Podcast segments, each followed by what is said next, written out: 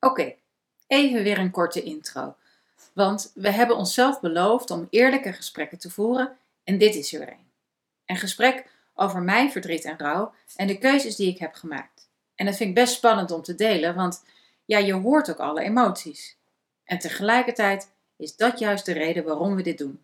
Maskers af en echte verbinding met onszelf en met elkaar. Juist om elkaar te helpen. En ook al is mijn verhaal uniek, emoties zijn universeel. Dus wellicht herken je jezelf wel in een aantal momenten. We wensen je in ieder geval de tijd om echt te luisteren.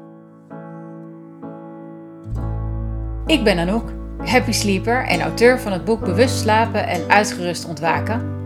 En ik ben Annelie, psycholoog gespecialiseerd in de behandeling van psychotrauma. Wij zijn 17 jaar vriendinnen en hebben altijd al hele eerlijke gesprekken gehad over hoe het nou echt met de ander gaat. Om niet alleen de ander, maar misschien nog wel meer onszelf beter te leren kennen. En nu is er een podcast waarin we die gesprekken gaan opnemen. En we hopen door het delen van onze expertise en eigen ervaring dat we jou liefdevol wakker mogen schudden. Zodat ook jij niet langer aan je eigen behoeftes en gevoel voorbij gaat.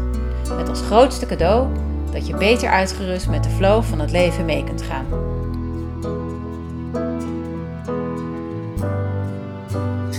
Nou, Loek, daar zitten we weer, hè? Ja.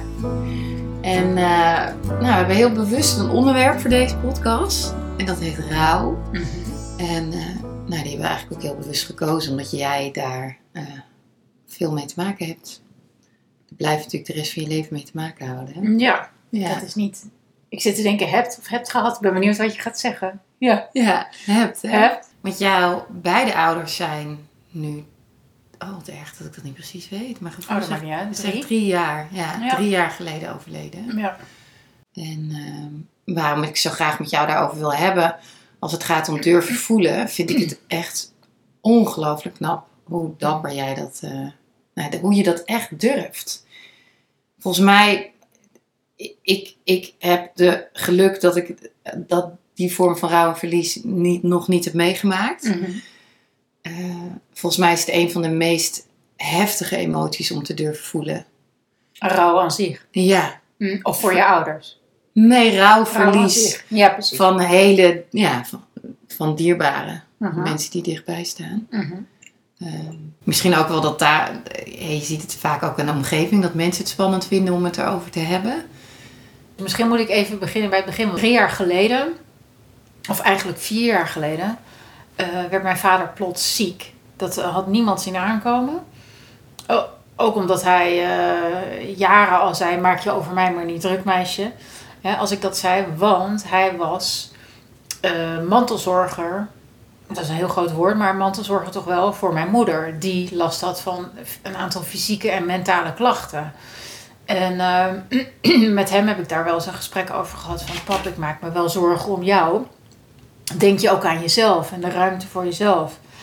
En eh, daarop zei hij dan altijd... Nee, maak je over mij maar niet druk. En ik heb zelfs nog tegen hem een keer gezegd... Ja, maar pap, wat nou als jij ineens ziek wordt? Hè? De, Ja. Op de een of andere manier... Ja, dat is natuurlijk een logische angst ook wel. Ja, want je moeder was eigenlijk niet meer in staat om voor zichzelf... Niet, echt- meer, niet Nee. meer echt. Nee. Nee. Het leek nog heel wat, omdat ze natuurlijk naast mijn vader leefde en die was haar steun en toeverlaat. En, ehm, maar in de loop der jaren ging ze echt wel achteruit. Ja, was ze echt wel afhankelijk van hem werd ze afhankelijk. En ik noemde ze wel eens. eh, op de uitvaart zei ik dat ook zo. Mijn vader was geen Einzelganger, maar een Zweizelganger. Oh, ja. Hè, dus hij was altijd met mijn moeder. ja. En andersom. Maar goed, hij werd dus ziek. Ik kwam Eh. ze wel eens tegen in het dorp bij ons. Ja, ja. Ja, die gingen daar graag naartoe. Ja. Ze hadden zo'n vaste ritjes en zo. Ja. Ja. En ehm, ja, dus en dat, dat, dat nieuws kwam echt als een klap. Ik weet het ook nog heel goed, want ik was net voor mezelf begonnen Met Happy Sleep. met Happy Sleeper. 2018 heb ik die, heb ik die stap durven zetten eigenlijk Na om te gaan, na mijn Ja. burn-out om te gaan ondernemen. En eh, dat was eind januari, was de officiële KVK-inschrijving. Dat is ook wel een ding, was dat toen. En, ehm, en 23 februari, dat weet ik ook nog precies, kwam mijn vader dan ehm, met het slechte nieuws. Met een kleine aanloop, want hij had al wat klachten, hè, fysiek hier en daar.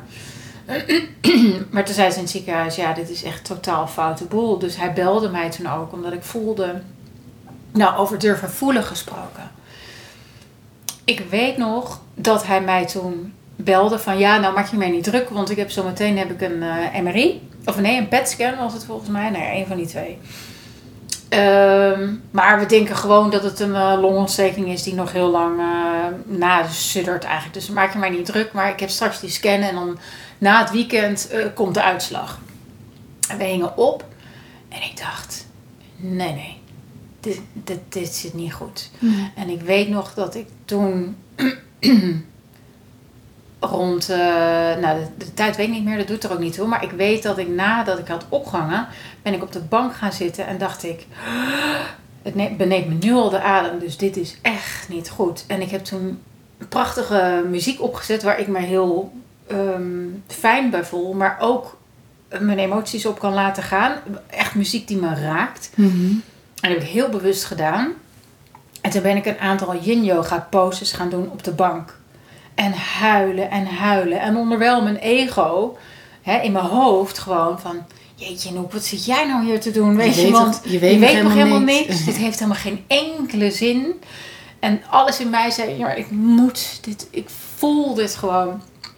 Nou, en krap twee uur later belde hij met, eh, ja, het is allemaal heel snel gegaan, maar de, ehm, ja, het is foute boel. Ja, het was het kanker, hè? Ja, het Ja. was longkanker met al uitzaaiingen. Ehm, en ja, vervolgens gingen wij in de modus van, en ik vooral ook in de modus van, oké, hoe kan ik hem bijstaan? Wat, weet je, wat, Wat kan ik doen? Wat Ja. is er voor mijn moeder nodig? Allemaal dat soort dingen. Mag ik je heel even stopzetten? Of, terug, of even pauzeren? Ja, Nou, wat ik zo bijzonder vind, is dat je krijgt zo'n telefoontje en jij voelt, oei, dit is niet goed. En jij voelt dat daaronder verdriet ligt. ja, En dan doe jij iets wat maar weinig mensen doen. Hmm. Omdat als ik naar mezelf kijk, ik denk dat ik. ehm, ik denk wel dat ik zou voelen, dat ik die angst zou voelen of dat verdriet. Maar ik denk dat ik in mijn hoofd zou schieten. Of, in, of ik hoop dat ik dat nu anders doe. Maar dat Ja. het mijn eerste neiging zou zijn om dan oh, ervan weg te gaan. Mhm. En ook wel met het idee, nou ja, ik weet het nog niet zeker. Kan ik altijd nog verdriet over hebben, ga ik niet aan. ja, Eh, dus ik vind dat heel, ja, heel dapper of heel krachtig. Mm. Dat je dan. Want die emotie is er, hè? ja, Die emotie. Ja. eh, dus het is een beetje alsof je hoofd dan vindt dat hij nog niet het recht heeft om er te zijn. Dat hij er dus niet moet. Maar hij zit er. Dus je hebt hem zo heel mooi de ruimte gegeven. ja. En levert je dat dan ook wat op? Wat ik bij mezelf wel merkte, want ik heb dat allemaal heel bewust meegemaakt, is dat het me wel die, dat het me letterlijk ruimte gaf. Dus eh, ik dacht ook, ja, ik weet niet wat er zo meteen komt. Dus je hoeft je nog niet druk te maken. En tegelijkertijd voelde ik dat verdriet. En ik dacht, ja, dat- dan laat ik het er maar zijn. En als het niet zo is, dan hebben we al het geluk van de wereld. Ja. Dus er was. En er was ook geen optie, misschien moet ik het zo zeggen. Ik had geen keus, voor mijn gevoel. Ik moest dit Voelen. voelen. Ja. Ik had geen keus. Maar Nee, we we slaan misschien ook nog wel even wat anders over. Want daarvoor, dus in 2016, kwam ik zelf thuis te zitten met een burn-out. En dat was eigenlijk was dat mijn crisis die nodig was om mij dit meer te kunnen laten doen en te ja, dit had jij zijn. inderdaad, dit had je voor je burn-out. Never nooit Was je gedaan. meteen in de regelstand gegaan. Meteen, Hoe kan, onmiddellijk. hoe kan ik dit goed Ja, doen? Is hij ja. weer terug? Hoe ga, kan ik voor iedereen het goed regelen? Ja. Wat je, jij kan ook heel goed regelen. Je bent heel goed in organiseren. Dus kan me voorstellen dat dat Ja. je... Ja. Ja, ja, en dat heeft weer te maken, en dan grijpen we meteen terug op iets wat jaren daarvoor is gebeurd. Toen ik 21 was, ehm, kreeg mijn moeder een hartaanval, een hartstilstand. En ik heb haar bewusteloos gevonden. Ja. En dat was het moment waarom ik bij mezelf eh, eigenlijk soort van kon uitzoomen en mezelf kon zien. Eh, Waar ik mee bezig was. En ook heel duidelijk wist, oké, dit zijn de stappen die ik nu moet nemen. Dus mijn hoofd nam het toen echt over. ja, maar toen was je aan het overleven. Het was ik Ja. echt aan het overleven. Dus was het nodig toen? Ja, Ook voor je moeder. want- Ja. ja. Dus, en nou ja, goed, eh, het voelt wat, eh, het voelt wat gek als ik, als ik al daar de details van oversla. Want anders denken mensen, hoezo heb je dan gereanimeerd? Maar dat ging niet zomaar. Want toen heb ik eh, in split seconds ook beslissingen genomen. Ren ik naar beneden naar de buren of bel ik 112? We hadden toen nog geen internet. Ofwel, we hadden wel internet, maar dat ging dan via ADSL of ISDN. Zo'n inbelvoorziening. Zo'n ja. inbel, dus je hoort de piepjes ja, nog. precies. En ik Ja. was op dat moment op de computer bezig. Dus ik had ook nog eens de tegenwoordigheid van geest om de computer af te sluiten. En te zorgen dat ik met de normale Ja, huistelefoon. want je kon niet bellen als kon je op de bellen. computer zat. Dat was ook zo, ja.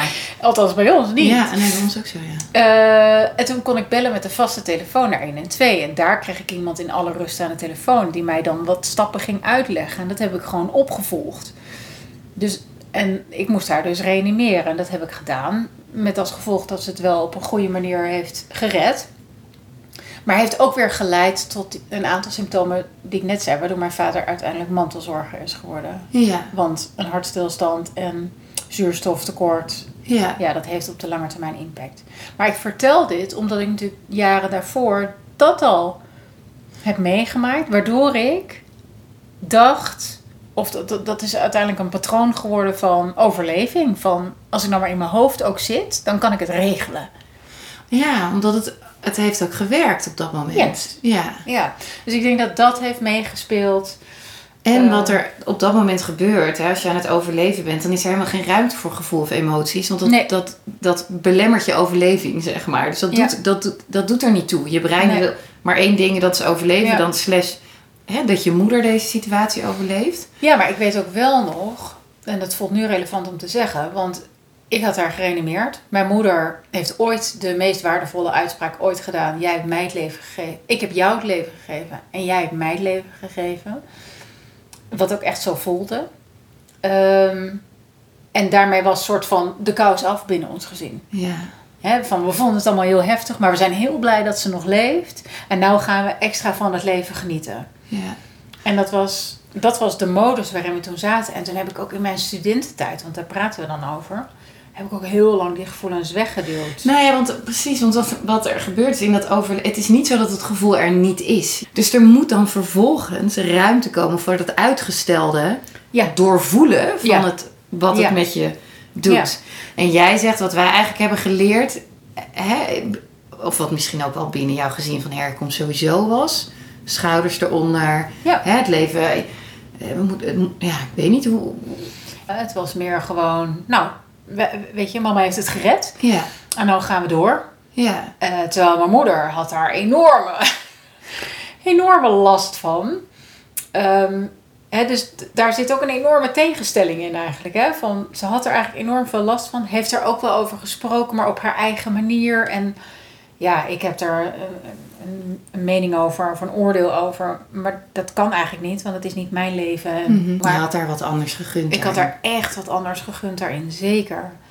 Maar goed, dat is gelopen zoals het is gelopen. Maar in het begin, of toen dat net was gebeurd, heb ik het dus ook weggeduwd. Ja, En in de, de jaren daarna, ik denk ergens in jaar twee of jaar drie, kwam het bij mij naar boven in de vorm van paniekaanvallen. Of dat ik in de tram zat en dat ik zulke hartkloppingen kreeg. En dat ik dacht, ik heb iets fysiek, ik heb dit ook. Ja. Ik heb ook een hartafwijking. Nou, Ja. daar begonnen bij mij de ziekenhuisonderzoeken. ja, ik ben nog een keer mee geweest. Ja, ja, ja. ja, daar begonnen bij mij. En dan krijg je ook nog eens te horen toen. eh, ja, we horen wel een hartruisje. Dus dit moet je wel om de drie tot vijf jaar wel checken. Want ehm, de afwijking die je moeder had, kan wel degelijk erfelijk zijn. Nou, daar gingen bij mij ook weer allerlei alarmbellen aan. Ja. Oh, mijn heel hemel. begrijpelijk, ja. Ja, het is allemaal heel begrijpelijk. Maar goed, dat is jaren daarna, tot aan bijna mijn veertigste, heb ik dat dus vol weten te houden. Om vooral vanuit mijn hoofd mijn emoties te reguleren. Ja, En wat er door mijn burn-out is gebeurd, is dat ik niet meer weg kon rennen voor mijn lichaam. Ook niet eens zo bewust weg kon rennen, want voor mijn gevoel deed ik dat helemaal niet. Want voor mijn gevoel kon ik juist heel goed ook over mijn emoties praten. Maar er was helemaal geen connectie. nee. En je lijf ging steeds harder protesteren. En mijn lijf ging kreeg steeds- allerlei fysieke... Ik kreeg allerlei fysieke klachten. Dus dat was 2016. Dus Ja, jij vraagt nu aan mij van ja, hoe kon je dat zo goed dan? Nou, ik heb wel een pad bewandeld. Ja. Ja, het is niet zo dat dat een geleerd, knop... nee. Ja, het is echt geen knop die je om kunt zetten. En dat is ook tevens natuurlijk het hele ja, ding waar veel mensen nu tegenaan lopen. Is dat als ze vastlopen, dat ze dan gaan vragen natuurlijk... Oké, wat kan ik er nu aan doen? Welke quick fix? Welke quick Ja, fix? en, Ja. en als we dus die stap nemen, hè, want je zegt ja. ehm, zo gaan zitten met dat gevoel. Hè. Ik Ja. had dat telefoontje van mijn vader en ik voelde, uh, nee, Ja. ik voelde angst, verdriet. Alles, ja. Ehm, en ik ben ervoor gaan zitten. En ik heb zelfs bewust muziek opgezet om dat gevoel naar boven te krijgen. ja. En hè, je bent yogi, dus je beheerst yoga. Je weet ook hoe je je lijf ook nog eens in beweging kan zetten om Ja. de ruimte te geven voor dat gevoel. Ja. Welke. Dan heb je iets geleerd in die, vanuit die burn-out. Mhm. Kan je meenemen welk, ja, wat je ontdekt stappen? hebt? Of wat je. Om, om daar te komen, want je zegt. Hè, we snappen dat jij dat eerst niet kon. Ja. Na, hè, mede na het hartinfarct van je moeder. We snappen nu dat je het wel kan inmiddels. En er zit dus nog een stuk tussen. Kun je- Mm. Ja, ik kon niet anders meer dan naar mijn lichaam moeten luisteren. Toen ik enigszins weer wat energie had, toen ontstond er ruimte om voor mezelf iets te gaan doen. Toen ben ik in mijn eentje weggegaan, een paar dagen, naar een yoga-retreat. Maar wel met ehm, enorm veel eh, vrijheid. Hè? Dus dat ik niet per se gebonden was aan een bepaald programma. Maar dat was denk ik de eerste stap naar mezelf. Mhm. Dus ehm, mijn lichaam in, yoga oefeningen doen. Ehm, Wat Echt. bracht jou dat? oh ja, dat is een thuis. Altijd als ik de mat opstap. Dat is, een, dat is een, eh, geen bewuste gedachte, maar het begint me nu langzamerhand op te vallen dat er een patroon in zit. ik ben thuis. En soms in het Engels ook gewoon echt I'm home. Dat is wat het mij brengt. Bij jezelf? Bij mezelf. Ja.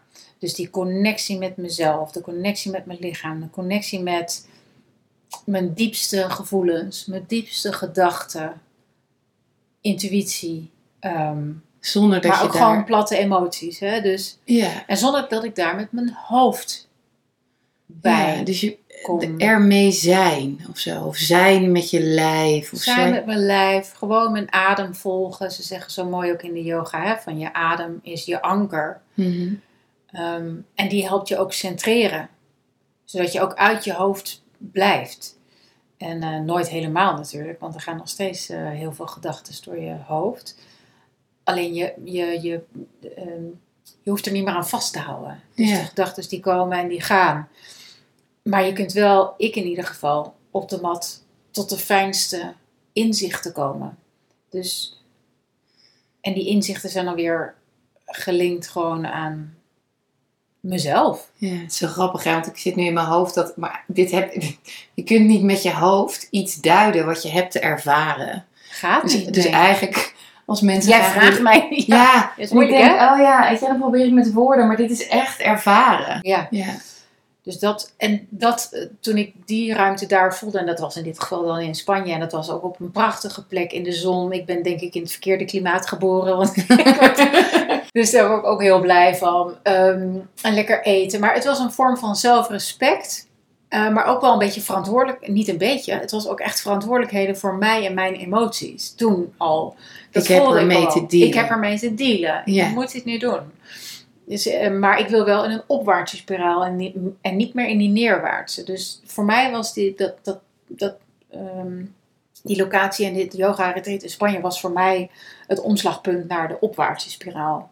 Dat is denk ik, eh, dat is het. ja, en als we gaan naar ruimte durven geven voor je emoties, hè, en we vaak geneigd zijn om ervan, of van nature misschien wel een beetje van weg te gaan, omdat het beangstigend is, of omdat Ja. we bang zijn dat het ons gaat overspoelen, dat we het niet aankunnen. Is dan vooral je ervaring geweest dat juist als je er naartoe gaat, dat er dat, hè, dat, vaak zie je dan een piek, hè, dat je, gaat in die, je probeert die emotie weg te houden, dan ga je het voelen, dan voel je hem eerst even veel beter, hè, want Mhm. dan geef je er ruimte. Zeker. Maar dat hij daarna als een soort golf ook weer kan. En dat er dan rust en Ja, ruimte komt. Ja, maar eigenlijk hebben we het nu alleen nog maar over het durven voelen stukje voor het slechte nieuws kwam. Eh, ja.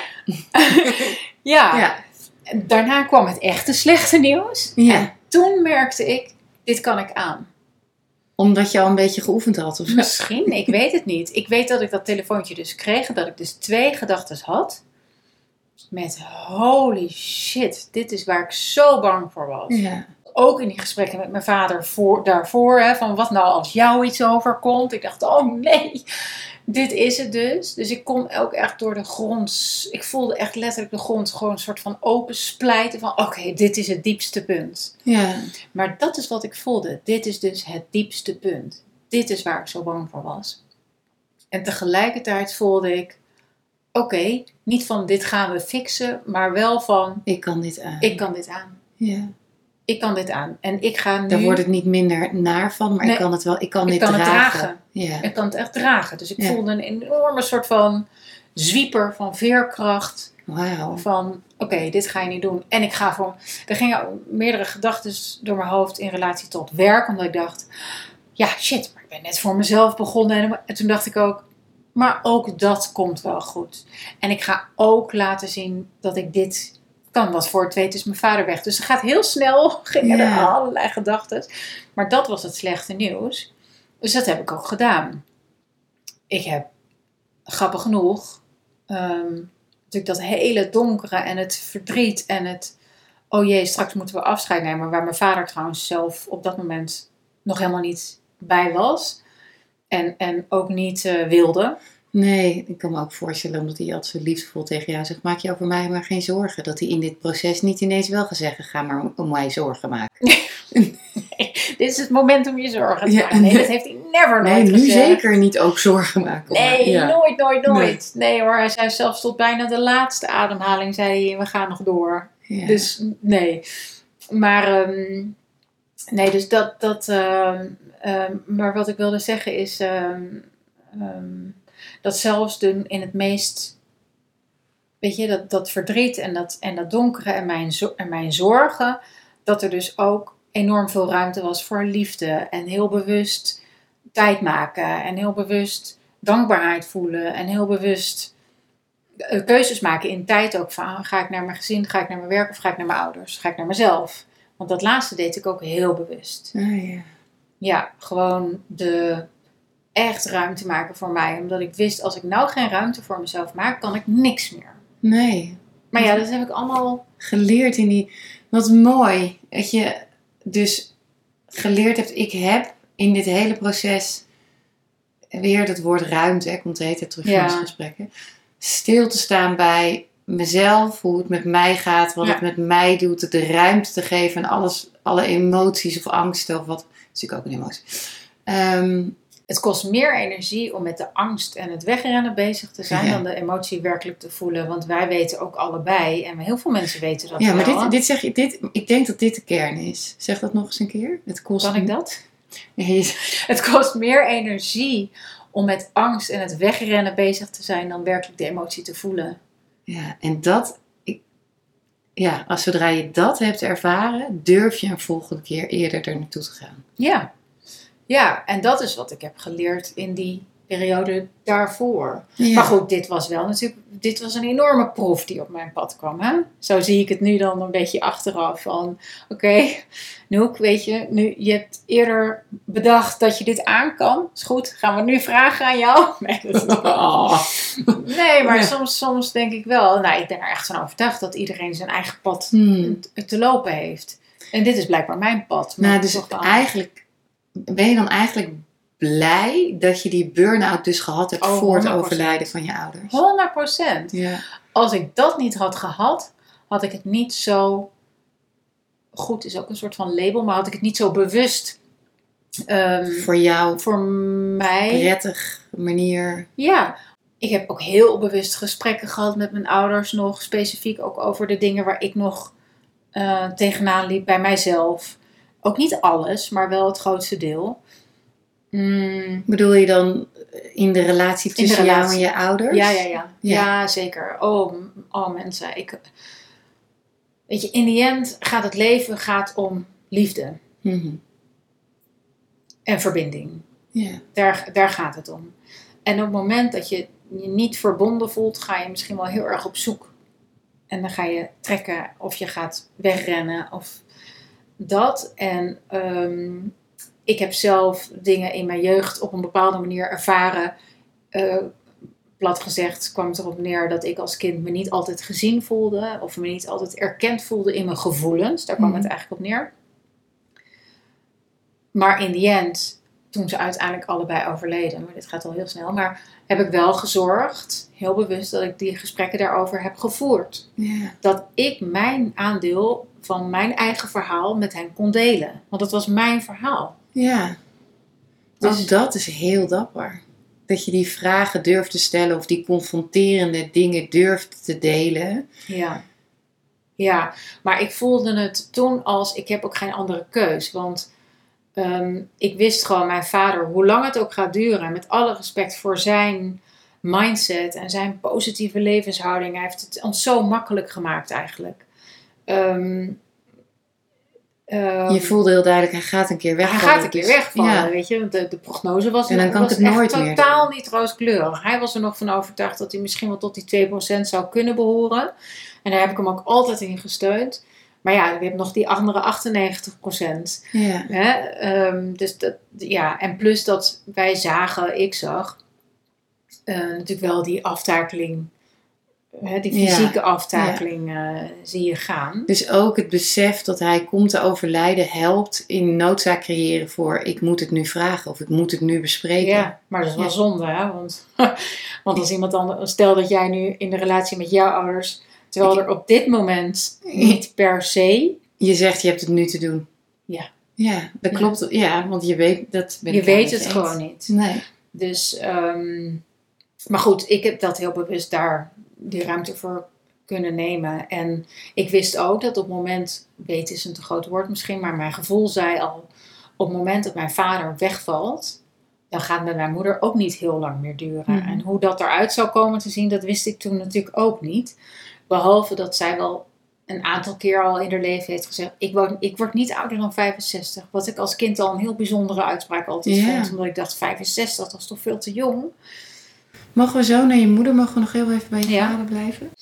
Bij mijn vader, ehm, toen hij uiteindelijk overleed, eh, na dus dat ziekteproces, waren we erbij. Nou, dat was al eh, vrij bijzonder. Want dan Hmm. moet je maar net het geluk hebben eigenlijk als iemand in een ziekteproces zo... eh, en hij was thuis. En hij ehm, was ook heel duidelijk, want hij wilde niet dood. Hij wilde het zo lang mogelijk rekken, Mhm. eigenlijk. Ook voor mijn moeder, met name eigenlijk voor mijn moeder. Ik weet niet, ik denk eigenlijk niet eens voor zichzelf. En of voor ons dus daarmee, om de, om de zorg uit, zo lang mogelijk uit handen te houden.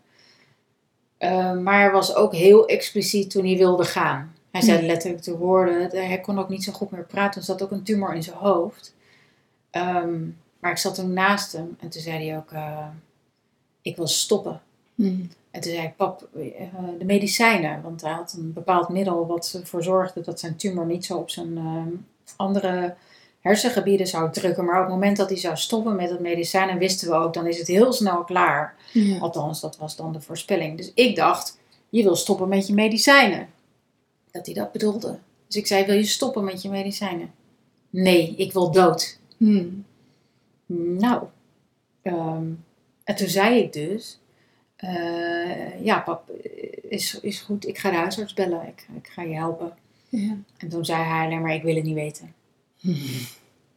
Nou, dat was ook duidelijk, hè? Ja. Over, eh, Maar omdat hij altijd zo duidelijk aan het leven hing, was, dit ook, was ook dit ook niet dat je dacht, heb je hier nou wel goed over nagedacht? Weet je, het was, het was Nee, heel duidelijk. Hè? super Ja. duidelijk. Ja, Ja. dat kwam echt, eh, ja, daar ging je ook, daar, daar, daar Daar was geen twijfel. Nee, precies. Daar hij enkele meer in dat jij zelf daar dan dus niet over hoeft te gaan twijfelen. Nee, nee, Ja. nee, nee, 100% nee. Nee. Zo duidelijk was dat hij het leven had losgelaten. Ja. Ja. Ja. Ja. En gelukkig waren we daarbij. Ja. En konden we op dat moment, ja, kon ik ook zeggen hoor, eh, tegen hem van we zijn erbij, het is goed, laat maar los. Je mag gaan. Ja. Ja. Ja. En ehm, Ja. zo was het ook goed. Ja. En zo is het en goed en heel verdrietig. En dat mag allebei Ja. er zijn. Ja. Ja. En, ehm, maar ja, dat was ouder één. Ja. Ja. En eh, dat, was al, eh, dat was natuurlijk al intens. En ehm, vervolgens hè, krijg ik te maken met natuurlijk iemand die wordt opgebaard en dat soort dingen. Dus dat wordt, in dit geval werd dat de volgende dag besproken. Maar de dag daarna zei mijn moeder overduidelijk. En nou wil ik ook niet meer. Ja. En dat was voor ons absoluut geen, voor mijn zusje, ik, zeg voor ons, voor mijn zusje en mij, eh, dat weet jij natuurlijk, Eh, geen verrassing. Maar eh, vanaf dat moment ging ik wel in een regelmodus. Ja. Ja, omdat, ja, omdat ook praktisch er heel veel zorg om jouw moeder was. Hè? Ja. Gewoon om haar de dag, ja, gewoon, zij kon eigenlijk niet meer alleen zijn. Nee, nee. Eh, dus, Nee. dus was ook niet dat je even kon denken, nou mam, ik ga er even, ik ga even wat tijd nemen. En ik ja, snap slaap jij... jij... ook nog even een nachtje Ja, ga je- over? Ja, nee. ik ga, ik, omdat, omdat je haar simpelweg niet alleen kon laten. Omdat Nee. ze gewoon de, de dagelijkse zorg Ja, Ja, was nodig. was ja. nodig. Ja, dus dat was, eh, dat was heel intens. Dus we moesten en zorg regelen voor haar.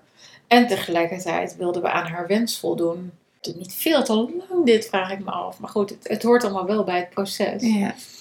En, Nou, ehm, dan zetten mensen de podcast op pauze en dan kunnen ze daarna weer verder luisteren. ja, dat kan ook. Of helemaal niet, zet ze hem gewoon uit. Dat kan ook. Dat denk ik niet. Nee, dus, nou ja, goed. Uiteindelijk ehm, met de huisarts besproken. En die zei, nee, maar ik, ik snap je vragen en ik snap je behoeften. Maar ik kan je niet helpen, maar ik kan je wel doorverwijzen. Dus dat heeft ze ook gedaan, naar hulp. En toen nog, dat heette toen nog de levenseinde Volgens mij heet dat niet meer zo. Oh nee, ja. Nee, maar dan krijg je dus, ja, eh, daar hulp eigenlijk. ehm, om te kijken. En dan gaan ze natuurlijk ook heel serieus kijken van hoe eh, definitief is deze hulpvraag. En, en is dat wel... ehm, Zijn er nog opties om jouw levenslust weer terug, hè? of je levensgeluk weer? Zijn daar nog mogelijkheden in? Ja, precies. Ehm, met haar kwamen we echt in een traject terecht om, eh, voor euthanasie. Ja. En uiteindelijk heeft dat bij elkaar eh, tien weken geduurd. Dus Ja, wat super snel is. Wat heel snel is, ja.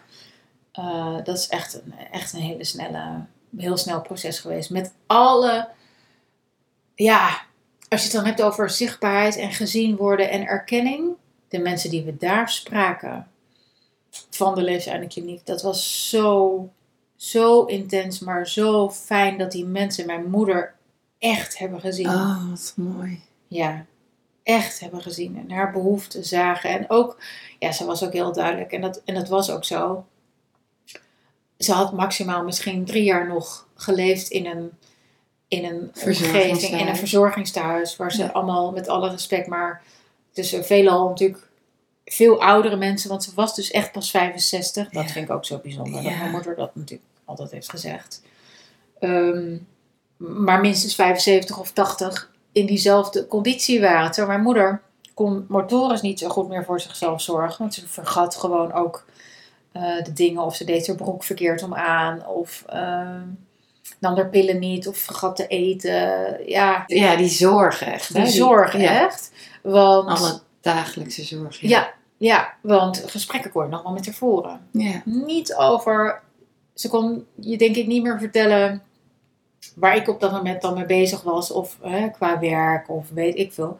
Maar wanneer het ging over het gevoelsleven, dan eh, was er prima met haar te communiceren. Was dat nieuw? Als je, je vertelde na het, na het hartinfarct dat je moeder, hè, dat er eigenlijk niet zoveel ruimte was? Of Ja. dat zij wel vertelde, was dit anders? Misschien. Oh, dat was zeker anders. Eh, ook omdat ze misschien van binnen ook wel voelde, ja, dit gaat wel gebeuren. En dan zat ze mij wel aan de zij tien keer tegen haar zei op een dag. Hmm. Van mam, jouw wens gaat ingewilligd worden.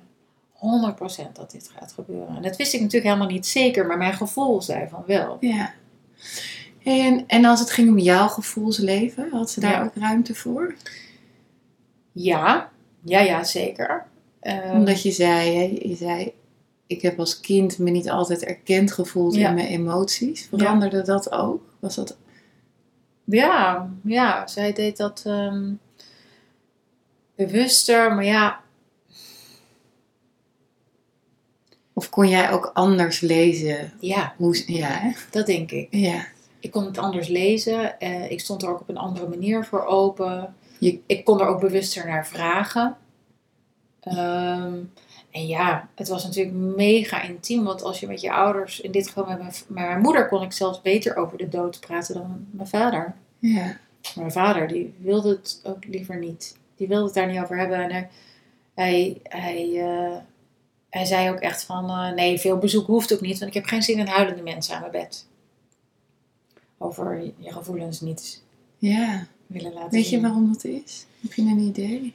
Nou, nee, dan moet ik voor hem gaan praten. Dat, eh, dat weet ik niet. Er zal ongetwijfeld iets weer vanuit zijn jeugd. Hm. Kijk, zijn vader, zijn ouders hebben in de oorlog, eh, hebben de oorlog meegemaakt. Hij was net daarna geboren, 48.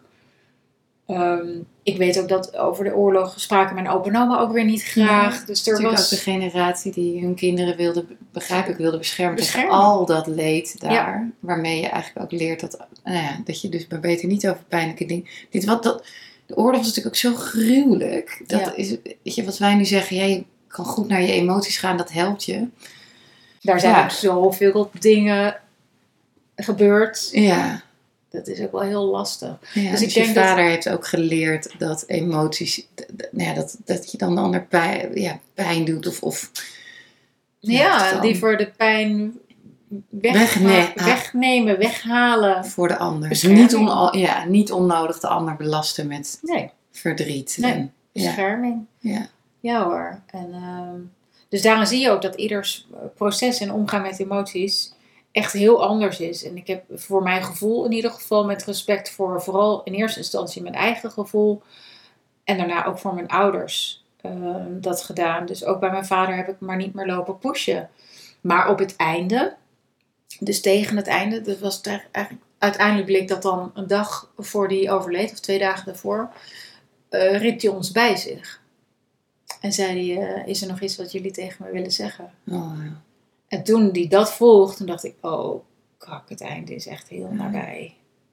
Want voor hij dit vraagt, Oh, ja. moet er wel heel veel Noodzaak zijn. noodzaak zijn. Ja.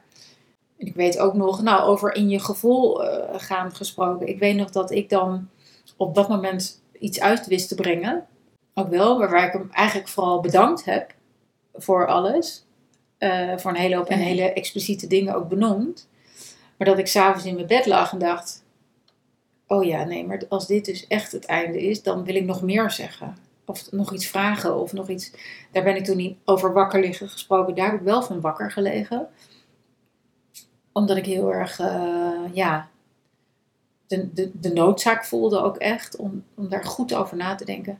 Dus de volgende dag heb ik dat ook echt kunnen doen. Hmm. Ja, dat was wel mooi. Want toen zei ik tegen hem van... ehm, ja, pap, je hebt me gisteren gevraagd en ik heb wel wat gezegd, maar ik heb nog wel wat aanvullingen, mag het? Ik zeg, maar ik, ik, ik, moet al wel huilen, zei ik ook. Ik zeg, maar dat moet nu even, want ik weet dat jij het niet wil. Maar dit is mijn emotie, Goed. zei ik zo. En zei, dit is een goed meisje. en noemde iedereen meisje. ja, Nou, de vrouw waar die heel veel van hield, noemde die meisje. Ja. En toen zei ik ook tegen van nou pap, ehm, waar ik zo enorm veel bewondering voor heb, is je kracht, je positieve mindset. Ik zeg, als ik ook maar de helft van die kracht bezit, dan ben ik een gelukkig mens. En toen zei hij, dat heb je. Ja. En dat juist, dat zinnetje, die steunt me nog dagelijks. Ja. Ja. Ja. En die heeft me daar ook doorheen getrokken bij mijn moeder. Ja. Ja, zeker. En, eh, en niet om het niet als een. ehm, Een zachte kracht. In plaats van een harde kracht. ja, Ja. Ja, echt als Niet in ik moet krachtig zijn, Nee, maar precies. ik heb de Ik heb veerkracht. de kracht. Ja, Ik voelde hem diep, diep van binnen. ik kan het dragen. Ik kan het dragen. Ja, ja, ja, zeker. Ja. Maar goed, ja, jemig. Waar zijn we in het verhaal? Ja, waren bij je, bij je moeder en over emoties. Dat, dat ze Ja. bij- beter bij haar gevoelsleven kon. En dat je mooi Ja. met haar over de dood kon spreken. En, Ja, ja, ja. Ja, ik heb zelfs nog de... Dat, dat is ook een van de dingen waar ik me heel dankbaar voor ben, dat ik dat kon. Omdat ik natuurlijk het eerdere proces met mijn vader had meegemaakt en ook wist van het is heel belangrijk voor mij dus, het hoeft niet voor iedereen zo te zijn, maar voor mij dus om nog de dingen te zeggen die ik wil zeggen. ja. En vice versa. Ehm, en ehm, bij mijn moeder wist ik dus ook van, oh ja, ik heb bij mijn vader gezien hoe dat gegaan is. Maar bij mijn moeder ga ik het anders doen. Ik heb haar een brief geschreven, die ik heb voorgelezen.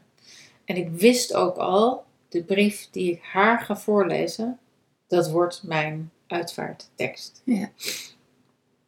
Want dat is dan gewoon hoe het is. Ja, Dus dat heb ik kunnen doen. Nou, dat was echt fantastisch. ja. Maar ook heel, als je het dan hebt over durven. Ja, want ik heb het ook tegen haar gezegd. Als jij er niet meer bent, ga ik deze brief ook voorlezen. ja.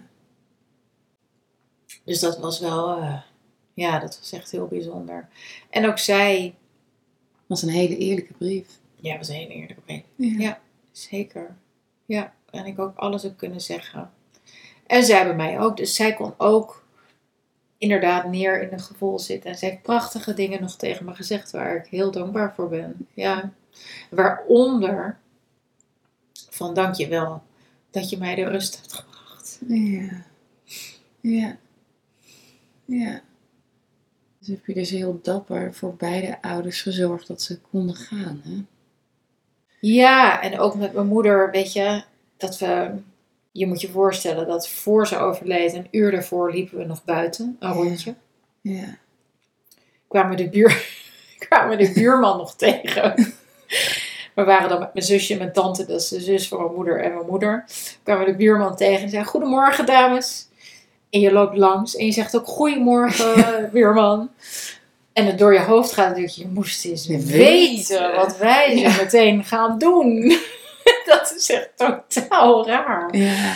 Ehm het is heel dapper dat ze uiteindelijk is gegaan op de manier waarop dat is gebeurd. Maar het is ook een hele prachtige, zachte dood. Verschrikkelijk snel. Het is echt bijzonder hoe snel de dood zijn intrede kan doen als iemand niet vecht. Ja, ja, en als er geen fysiek lijden En als er is, geen fysiek lijden is. Ja, dat is echt prachtig.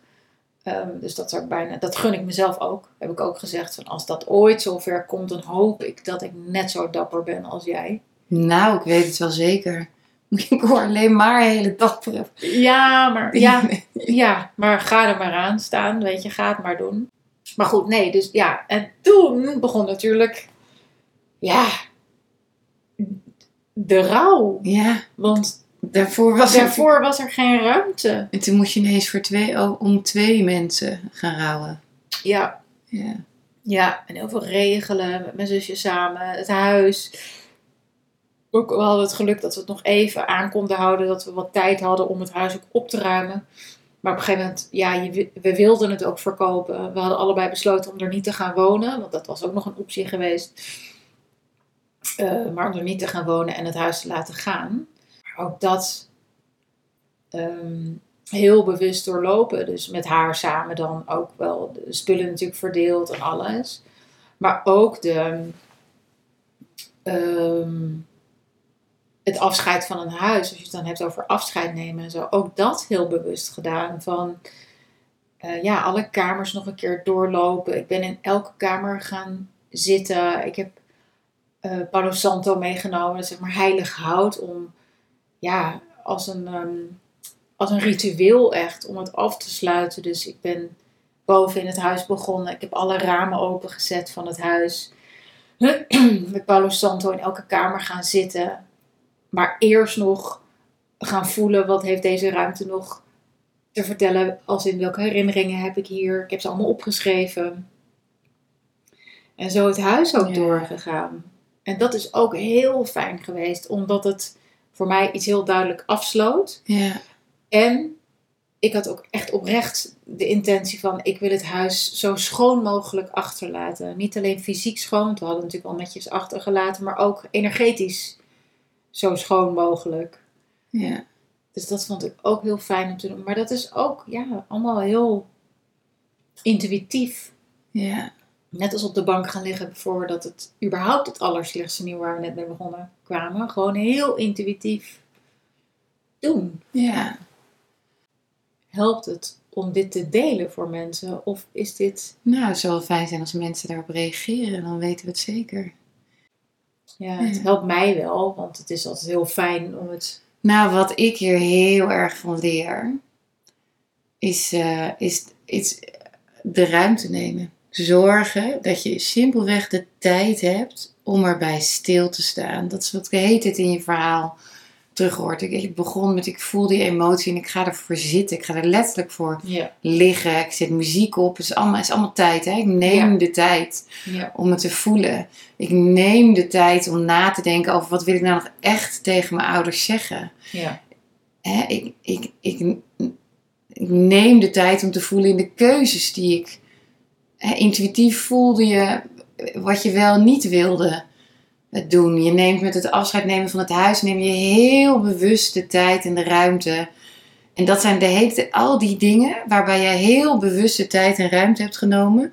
Daarvan zeg je, oh, daar ben ik zo dankbaar voor Ja. dat ik dat gedaan heb. ja, Eh, en tegelijkertijd zijn al die momenten ook de allermoeilijkste als het gaat om verdriet. Want zodra je gaat zitten, ga je het ook voelen. Eh, en dus is het ook telkens ook weer een dappere stap om dat te doen. En word je dus ja, beloond met achteraf dankbaar zijn dat je zo bewuste tijd hebt genomen. Want zo'n afscheid, afscheid nemen doet, doet gewoon verdriet. Dus, Ja. Maar jij gaat ervoor zitten. ja, ja. Ja, en dat doe ik dus inderdaad in dus Ja. alles nu in mijn leven. Als ik ook maar ergens voel ehm, dat ik ergens iets onderdruk. Of nou boosheid of verdriet of, of eh, teleurstelling of wat dan ook iets is. Ja, dan neem ik daar wel echt de tijd voor, ja.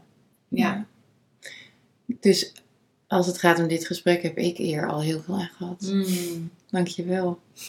ja alsjeblieft.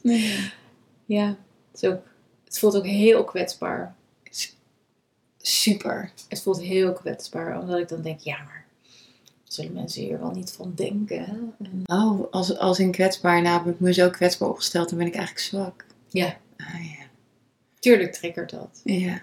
En ergens ook niet, hè? Omdat ik weet dat ik ook zelf alleen maar leer van de ervaringen van anderen. Ja, nee, maar weet je wat de grap is, Noek? Ik heb alleen maar ongelooflijke kracht gehoord in je verhaal. Hmm. Je vader heeft zo gelijk. Ja, Dankjewel.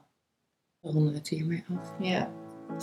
Nou, ehm, tot de volgende wake-up call. Bedankt voor het luisteren.